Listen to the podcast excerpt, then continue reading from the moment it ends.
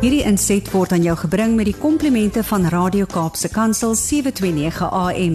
Besoek ons gerus by www.cape pulpit.co.za.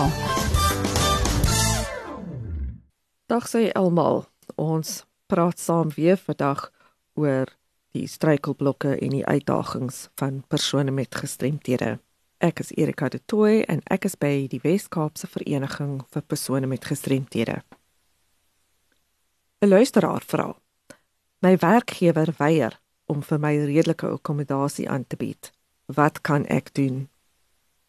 Om hierdie te beantwoord, moet ons eers verstaan wat redelike akkommodasie regtig beteken. Die definisie in die Wetskrif oor die regte van persone met gestremthede lui as volg: noodsaaklike en gepaste wysigings en aanpassings, sowel as bystandstegnologie wat nie 'n situasie opdring nie waar nodig op 'n bepaalde plek om te verseker dat persone met gestremthede die genot of uitoefening op 'n gelyke basis met ander van alle menseregte en fundamentele vryhede te kan verkry. Redelike akkommodasie behoort dit vir 'n toepaslik gekwalifiseerde persoon met 'n gestremdheid moontlik te maak om soos almal te kan presteer. Die tipe redelike akkommodasie wat benodig word, sal afhang van die tipe werk en sy noodsaaklike funksies, die werksomgewing en die persoon se spesifieke gestremdheid. Die kriteria vir redelike akkommodasie sluit 3 onderling verwante faktore in. Eerstens moet die akkommodasie die hindernisse verwyder om die werk te kan verrig vir 'n persoon wat andersins gekwalifiseerd is.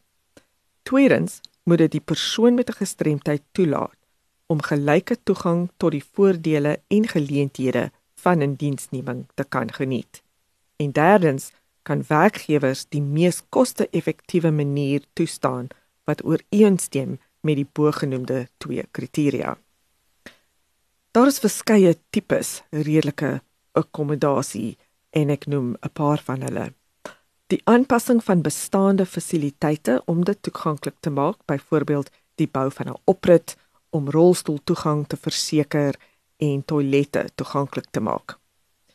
Die aanpassing van bestaande of die verkryging van nuwe toerusting, byvoorbeeld rekenaarhardeware en sagteware, insluitend stem-invoer of afvoer sagteware vir persone met sensoriese gestremthede die herorganisering van werkstasies, verandering van opleiding en assesseringsmateriaal, prosesse en stelsels, byvoorbeeld die verskaffing van opleidingsmateriaal op aanvraag in elektroniese formaat, braille of op band vir mense met visuele gestremthede.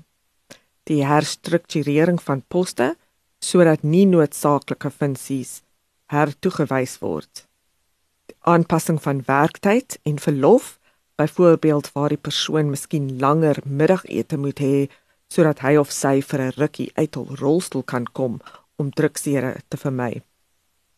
En dan laastens die verskaffing van gespesialiseerde toesig, opleiding en ondersteuning in die werksplek, byvoorbeeld tolke vir dowes, lesers vir blindes, werkafrigters vir mense met intellektuele gestremthede, of persoonlike assistente vir mense met fisiese gestremthede.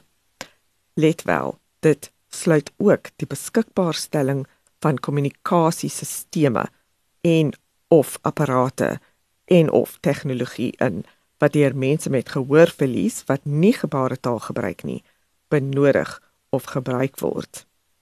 Nou, wanneer is redelike akkommodasie nie van toepassing nie?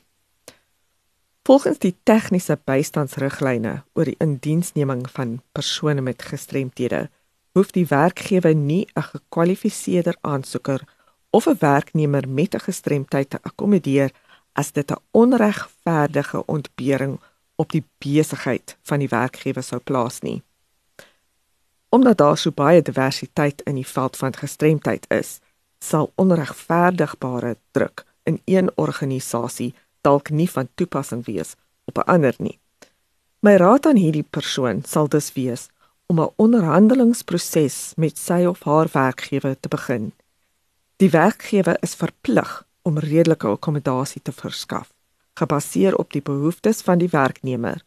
Tensy sodanige akkommodasie onregverdige druk vir die maatskappy veroorsaak.